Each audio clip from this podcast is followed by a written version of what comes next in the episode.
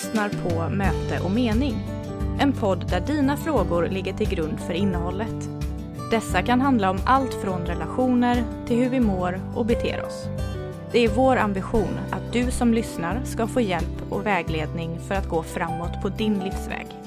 Hon som håller i podden heter Helene Ljung och driver även företaget Möte och mening där hon arbetar som samtalsterapeut och med personlig och andlig utveckling. Välkomna tillbaks säger jag till er vad ni än är och vad ni än håller på med. Det är väl det som är ganska bra med en podd, tänker jag, att man kan göra andra saker samtidigt när man lyssnar. Dagens fråga kommer att handla om just hur det är att gå in i en relation där det redan finns barn. Någonting som blir allt mer vanligare. Frågan lyder så här. Hej! Jag har sedan ett år tillbaka en relation med en man som är 15 år äldre än mig. Jag är 30 och han är 45 och vi bor i varsitt hem. Han har ett vuxet barn på drygt 20 år som jag tidigare har gått fint ihop med. Det är först nu som detta barn inte alls vill veta av mig och vill knappt ha någon kontakt med sin pappa heller. Detta tär mycket på vår relation och vi vet inte hur vi ska hantera situationen eller hur vi ska bemöta barnet och hens ilska mot speciellt mig. Hjälp! Vad ska vi, eller jag, göra? Vänliga hälsningar Sandra. Först vill jag ju naturligtvis tacka Sandra för frågan som är ganska komplex och inte helt enkel. Jag förstår att det måste vara tufft att vara i din situation just nu, Sandra. Det är ju så här när vi går in i en kärleksrelation, vilket ni har gjort. Den är bara ett år gammal, alltså är ni kanske fortfarande i förälskelsefasen, som man säger. Att då behöva tampas med bonusbarn, styvbarn eller vad nu vi kallar dem för, gör ju situationen mer utmanande naturligtvis. I den här förälskelsefasen som vi går in i i början på en relation gör ju att vi blir väldigt uppslukade av våran partner. Och det är ju någonting som kan vara ganska tufft för ett barn att stå vid sidan om och titta på och uppleva då i det här fallet pappa Eh, hur pappa är upptagen med dig. Och jag tänker att vara i den här 20-årsåldern eller i början på 20-årsåldern är en ganska skör och kan vara en liten tuff period för både killar och tjejer. Eh, när man ska då lämna barndomen och gå mer in i en, i en vuxen situation det är inte alltid det är så lätt och många unga människor, unga vuxna upplever den här fasen i livet som, som eh, ganska komplicerad. Det är inte alls ovanligt att människor i den här åldern också mår dåligt på olika sätt. Någon form av identitetskris eh, kan man säga. Eh, när man inte vet varken jag är inte barn men jag är inte vuxen riktigt heller utan man är någonstans i landet mittemellan. Och att då när man kanske har en tuff situation med sig själv, att då uppleva hur en pappa då är, väldigt upptagen kanske och fokuserad på en annan kvinna. Och denna kvinnan är ju du Sandra. Dessutom är det så här att jag förstår att det bara är cirka tio år emellan dig och det här barnet. Den åldersskillnaden tror jag gör en del faktiskt. Att acceptera att en förälder hittar en väldigt mycket yngre person att leva tillsammans med kan absolut vara jättesvårt. Och särskilt i den här åldern tänker jag, du är 30 och det här barnet är drygt 20, så säg 21-22 år, det är inte många år er emellan. Vilket gör att det kan vara svårt att hitta en form av respekt eller att se, för det här barnet, att se dig som en, en partner till en förälder. Mm, det kan kollidera, absolut. särskilt skulle jag vilja säga också i början på en relation. Fortsätter en relation och blir seriös och då växer ju alla människor in i situationen på ett annat sätt. Men så här i början kan, ja, det är inte konstigt att det kan bli reaktioner på grund av åldern. Det står ingenting i frågan heller huruvida modern till barnet, hur den relationen är. Har pappan och mamman till barnet här en god relation med varandra? Eller finns det tendenser till att det inte är så? Då kan det ju också påverka barnet. Hur mamman uppfattar alltså er relation.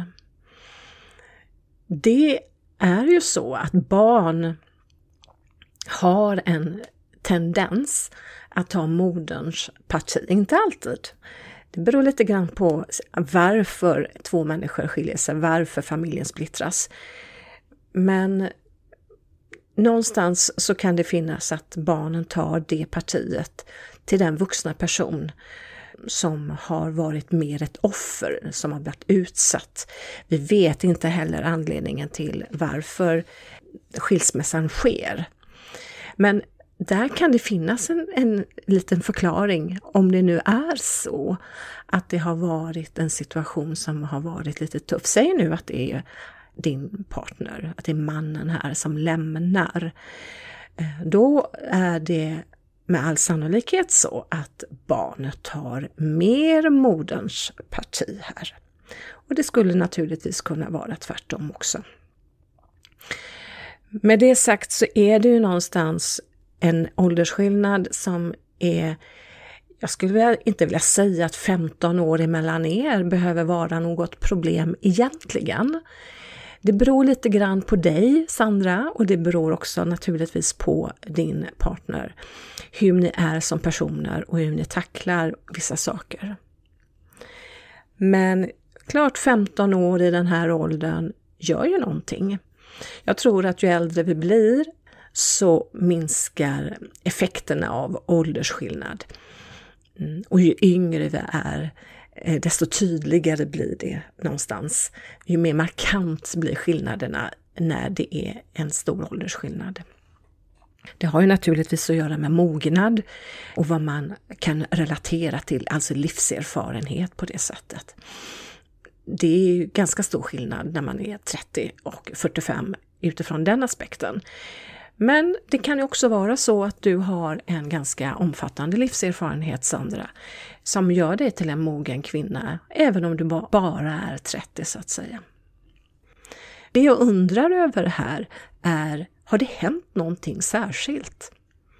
Vet du med dig någonstans att det hände något, det sades något och så vidare som, som var med och bidrog till att det blev en förändrad relation mellan dig eller mellan er och barnet. Om det inte är så, så kan det ju också vara det att i takt med att ni har hållit ihop så kanske det här barnet, barn och barn, den här unga människan, barnet eh, säger jag nu för att förtydliga eh, vilka jag pratar om, men då kanske har det varit så att eh, det här barnet har tyckt att det har varit eh, lite mer obekvämt allt eftersom tiden har gått. Att det här var ingen flört, det här var ingen fling ifrån pappas sida. Utan det kanske till och med har varit så att, att ni har blivit tajtare och att er förälskelse har väckts ännu mer till liv så att säga. Och detta märker naturligtvis barnet. Och frågan är lite grann, hur har situationen sett ut när ni tre så att säga har funkat ihop? Det är ju det här att barn som hamnar i, i en ny familjesituation, som vi ändå kan kalla det här för, eh, är ju ganska känslig och ganska sårbar. Och frågan är ju hur situationen har sett ut. Du säger att ni har gått fint ihop förut. Och det låter bra, men hur, hur såg relationen ut? Fanns det en god kommunikation emellan er? Eller var det så här att du med tio års skillnad till det här barnet blev mer som en kompis. Jag tror att, att det är i och för sig bättre än att försöka vara en extra mamma. Det tror jag inte är någon eh, hit alls att försöka sig på det med ett så pass stort barn. Nej, men att vara kompis kan också vara lite förrädiskt. Utan det är någonstans att kunna vara en vuxen människa i det här barnets liv. Och kanske inte nödvändigtvis kompis heller. Men man kan ändå ha en god relation där man kan försöka hitta en bra samtalston emellan. Nu vet ju man enligt forskning att det är inte lätt att hamna i det vi kallar för styrfamiljer. Det är mycket större tendenser till bråk emellan en styvmor och ett styvbarn till exempel. Och det finns olika förklaringar till det. Bland annat så är det ju så här att för en styvmamma är det svårt att hitta eh, sin roll. Vad ska jag säga? Vad får jag lov att säga? Vad är min plats här i denna konstellation? Massa viktiga frågor egentligen, vilken roll du har. Och då undrar jag ju, har du och din partner pratat om detta? Eller har det bara tagits för givet att du ska någonstans kunna hantera det här? Ja, om det är så att ni inte har diskuterat hela den här situationen så borde ni verkligen göra det. Det här är en väldigt utmanande situation. Eh, och man, man brukar säga det att det är tuffare och svårare att vara styvmor än att vara mor till ett eget barn. Därför det finns inte en självklar kärlek där, utan det kan vara så att det kan finnas en, form av rivalitet eller konkurrens mellan styvmor och barn. Och absolut kan det vara så även för en styvfar och barn. Skillnaden mellan styvfäder och styvmödrar är många gånger att styvfäder ligger lite mer, de är lite mer layback, de är inte så, eh, går inte in i en, en, den här engagerande rollen på samma sätt, utan de ligger lite lågt och väntar in. Medan en kvinna i en familjekonstellation har en ganska, normalt sett i varje fall, en ganska traditionell roll att verka utifrån navet, moden, eh, se till att saker och ting fungerar och så vidare. Och det kanske inte alls är välkommet att möta eh, det hos en kvinna som är bara tio år äldre än en själv. Ja, så här finns det utmaningar vad det gäller åldersskillnad, men också just det faktum att det är en styvfamiljssituation. Hur får man bukt med det här då? Ja, som jag sa förut så är kommunikationen här och förmågan att lösa konflikter, det är A och O. Och frågan är hur har ni kommunicerat kring situationen? Om ni överhuvudtaget har det. För du skriver också att den här situationen har varit påfrestande för er relation. Och det förstår jag mycket väl.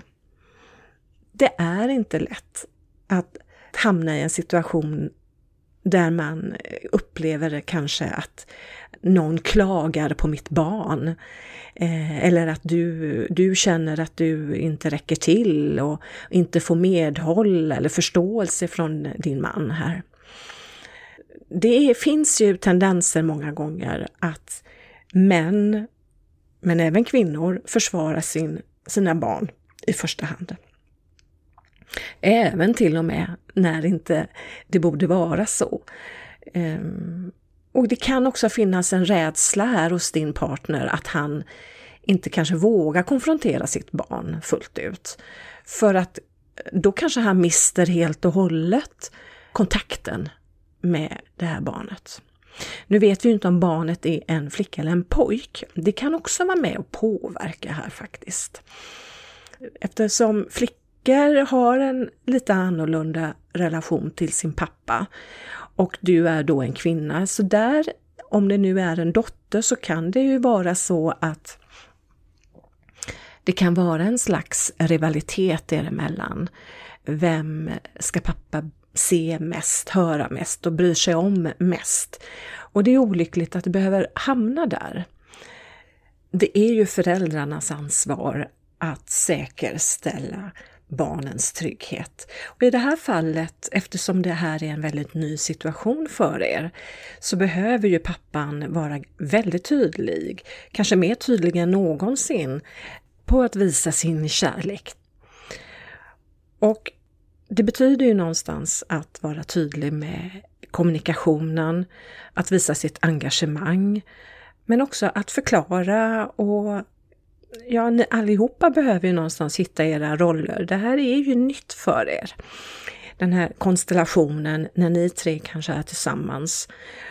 Och speciellt om ni i framtiden kommer att flytta ihop så är det ännu viktigare att ni tre har en tydlig dialog eh, och vet någonstans vad är det som gäller. Inte vara så rädd kanske för att sätta gränser men också ställa de där svåra frågorna, både till sig själv och till varandra. Det kan ju faktiskt vara så här att det här barnet går igenom någonting tufft i sitt eget liv just nu. Det är ju så här med barn och unga vuxna, tonåringar och så vidare, att det är inte alltid de berättar allting för mamma och pappa. Det kan finnas en önskan, ett hopp någonstans innerst inne om att mamma eller pappa eller bägge ska förstå ändå, se och höra barnet. Och då skulle jag vilja ställa frågan, har ni sett någon form av förändring hos det här barnet? Har ni sett tendenser till att det är något som inte funkar i vardagen, eh, bland kompisar, eller kärlek eller skola? Finns det någonting som är lite tufft för det här barnet? Det skulle också kunna vara en anledning till att det finns en ilska gentemot er två nu då. Eh, för att ni faktiskt inte lägger märke till hur hur det här barnet mår. Ni är upptagna kanske med varandra, jag vet inte. Och är ni inte det, utan ni tycker verkligen att ni försöker ge det här barnet både utrymme och plats och någonstans engagera er i barnets situation och ändå blir det på det här sättet, ja, men då återstår ju ändå att konfrontera det här barnet och fråga. Och kanske också ta kontakt med mamman till barnet här. Kan ni ha en dialog med modern? Man vet enligt forskning att, att eh, föräldrar som har en bra kontakt med varandra efter skilsmässa har också större möjligheter att bibehålla en god relation eh, i en styrfamiljssituation så att säga. Så om din man och hans ex har en bra relation så kan det vara gynnsamt för dig vad det gäller relationen till det här barnet. Det är ju inte alltid att en person tänker på det här viset. Ibland så är det så att det funkar gott och ibland är det inte det. Det finns för mycket sårade känslor, det finns för mycket sårade egon som någonstans tar vid och går och projiceras genom barn. Och det är ju väldigt illa, för det är ju någonstans inte, det handlar ju inte om mamman och pappan här, utan det handlar ju om barnens bästa. Så med det sagt så fundera lite grann och jag tänker att du och din man behöver verkligen sätta er ner och diskutera vad är det egentligen vi har gjort och vad är det vi inte har gjort. Många gånger kan det ju verkligen vara läge att ta hjälp utifrån. Det finns familjerådgivning via eh, kommuner. Det finns privata terapeuter naturligtvis. Men att på något sätt ta kontakt och få hjälp i en sån här situation. Det är ju någonting som, har ni pratat om det? Kan det faktiskt också vara en lösning? Jag tror ju att det skulle kunna vara ett, ett gott sätt att ni tre, eller till att börja med då pappan och, och barnet här, att de två börjar någonstans i ett samtal hos någon för att reda ut vad är det det handlar om. Du vet väl om att du kan ställa din fråga till podden på Möte och Menings Instagram eller moteochmening.se.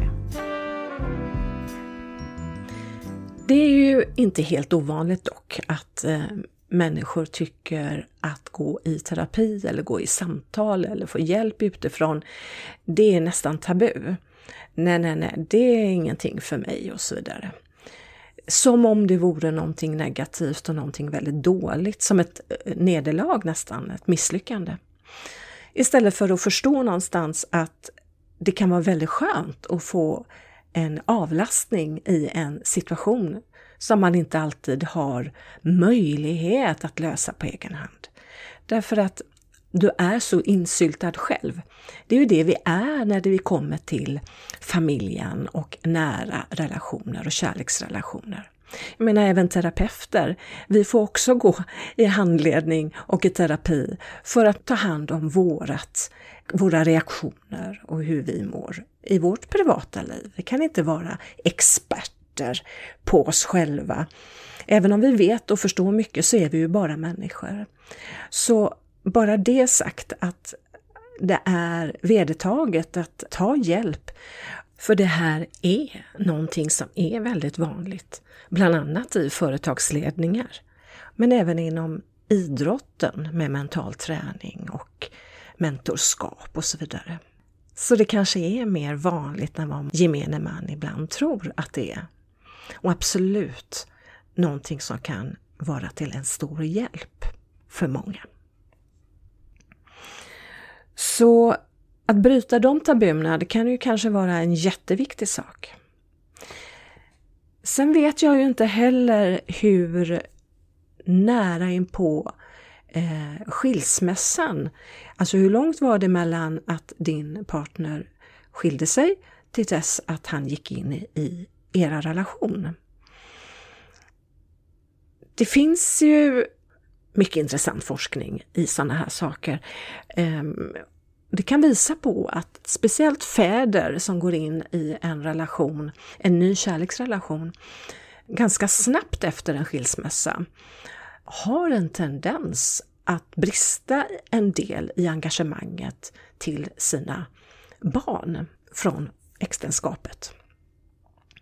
Och det är Delvis handlar det ju naturligtvis om det jag sa förut, att det handlar ju om att man blir uppslukad och engagerad och, och eh, i förälskelsen så blir man väldigt fokuserad på sin kärlekspartner. Men med kunskap och medvetande så kan man faktiskt förebygga sådana här saker och medvetet lägga tid och engagemang på sina barn, även om man faktiskt går in i en ny relation. Så det kan det vara å, å ena sidan. Å andra sidan så är det också någonting som inte är helt ovanligt att människor som skiljer sig.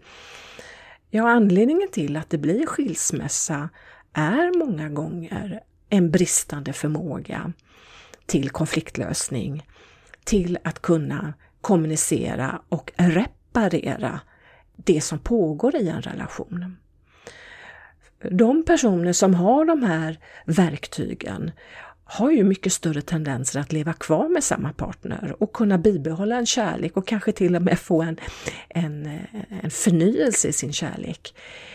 Men om man inte har verktygen så tenderar det att någonstans gröpa ur kärleken och kärleken slocknar och därmed är skilsmässan så småningom ett faktum.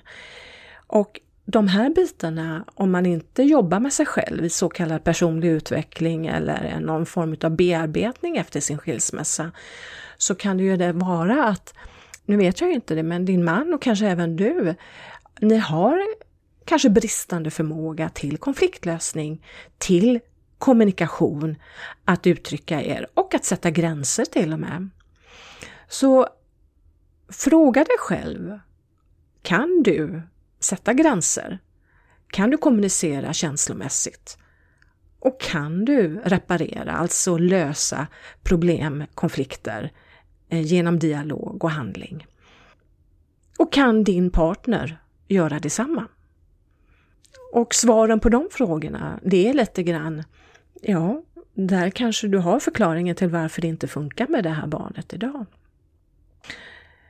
Men du har också svaren på vad ni faktiskt kan bättra på, vad ni kan göra för att få saker och ting att vända och förbättras. När barn, tonåringar eller unga vuxna på något sätt eh, visar någon form av reaktion, anti-rebellitet, eh, så är det ju många gånger ett rop på hjälp eller en signal om att nu är det något som inte funkar här. Sällan har ju barn eh, förmågan, förmågan, så småningom så får de ju mer och mer den här eh, förmågan verbalt att kunna uttrycka vad det är som är fel och vad det är de önskar och vad de vill ha. Men innan det sker så visar ju barn med sina reaktioner och sitt, sina känslor och sitt beteende att det är någonting som är fel. Och det är ju viktigt för de vuxna som finns runt omkring de här barnen att någonstans se igenom det här utagerandet eller beteendet och förstå att det finns en orsak bakom det det är ju inte alltid fallet det blir så, utan när barn reagerar eller inte mår bra eller är arga, gnälliga eller förbannade på något sätt, alltså då kan ju en förälder reagera med samma, med samma reaktion genom att bli arg tillbaka och så hamnar man bägge två i någon slags sandlåda och börjar kasta sand på varandra. Och det är ju liksom inte riktigt eh, mm, konstruktivt alls, tänker jag. Så här behöver man ju fundera på att och förstå någonstans att som vuxen och som förälder så, så har vi ett enormt ansvar att förstå att det finns en anledning till att mitt barn är som det är. Och det är med den tanken jag vill att ni ska närma er det här barnet. Det finns en förklaring bakom det här beteendet, eh, de här känslorna som bara längtar efter att få komma fram, tänker jag. Och försök nu inte ta allt så personligt. Det kanske inte ens handlar om dig som person, Sandra. Utan försök någonstans att förstå att många gånger handlar det om det här barnet. Det är vad det här barnet känner eller går igenom eller är med om eller är utsatt för. Så någonstans att inte gå i försvar direkt och börja använda samma strategi som barnet gör, utan som vuxen människa, och även om du nu bara har tio år mellan er, så är det en utmaning, tänker jag, för dig att förstå och inte ta det här personligt och inte låta det här slå ner dig eller beröva dig något slags självförtroende eller att du inte duger, att du inte är bra nog. Det hoppas jag inte. För, för det mesta så handlar det inte om dig som person. Utan det handlar förmodligen mer om relationen till pappan här, men också hur mår det här barnet generellt sett. Eftersom jag inte vet någonting om hur länge eh, den här, din partner har varit separerad eller skild ifrån från den här familjen, modern och eh, det här barnet, så vet vi ju inte heller då hur det här barnet har hanterat skilsmässan. Det kanske är först efter att ni har varit tillsammans ett tag som det blir så uppenbart för den här unga vuxna människan att oj, pappa kommer inte gå tillbaka till mamma. Till exempel. Eller oj, pappa är verkligen seriös. Eh, det verkar som att nu är det dem. Är det det här som är min nya familj? Alltså sådana tankar kan det ju vara som helt plötsligt någonstans infinner sig.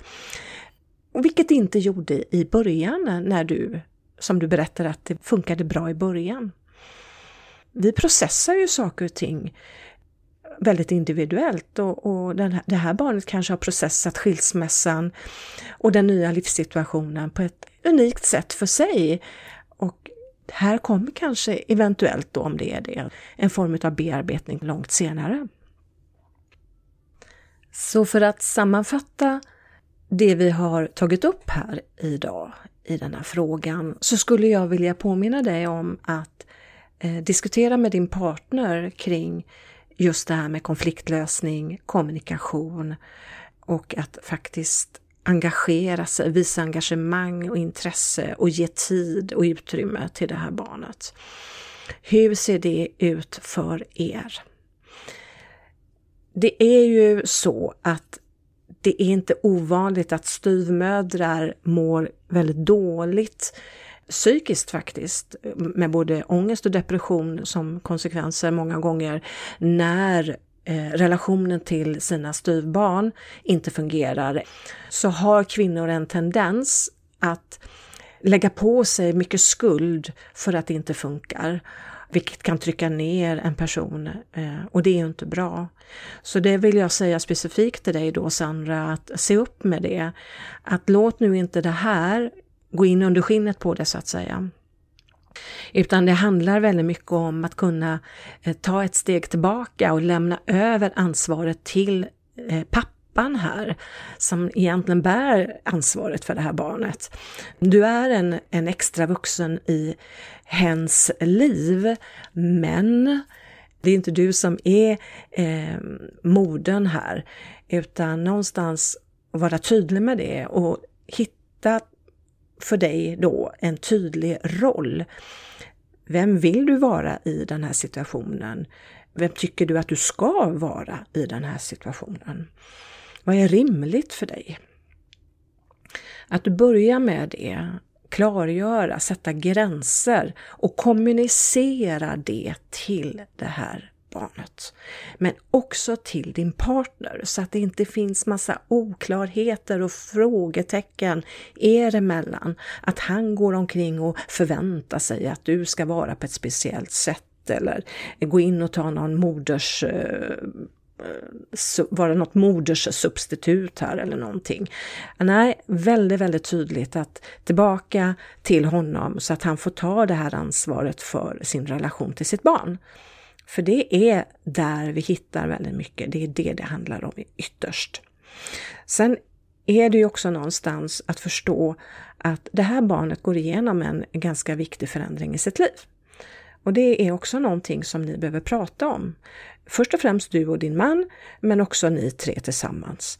Att ni förstår att ni vill finnas där som ett stöd och, och så vidare och så vidare till det här barnet. Kan ni dessutom ha en bra relation med modern så är ju det väldigt gynnsamt. Och går inte det, då får ni göra så gott ni kan utifrån det här med dialog och konfliktlösning och gränssättning. Fundera också på att ta hjälp utifrån av någon som, som kan se och belysa det här problemet lite mer objektivt så att säga kan vara väldigt bra för er relation faktiskt.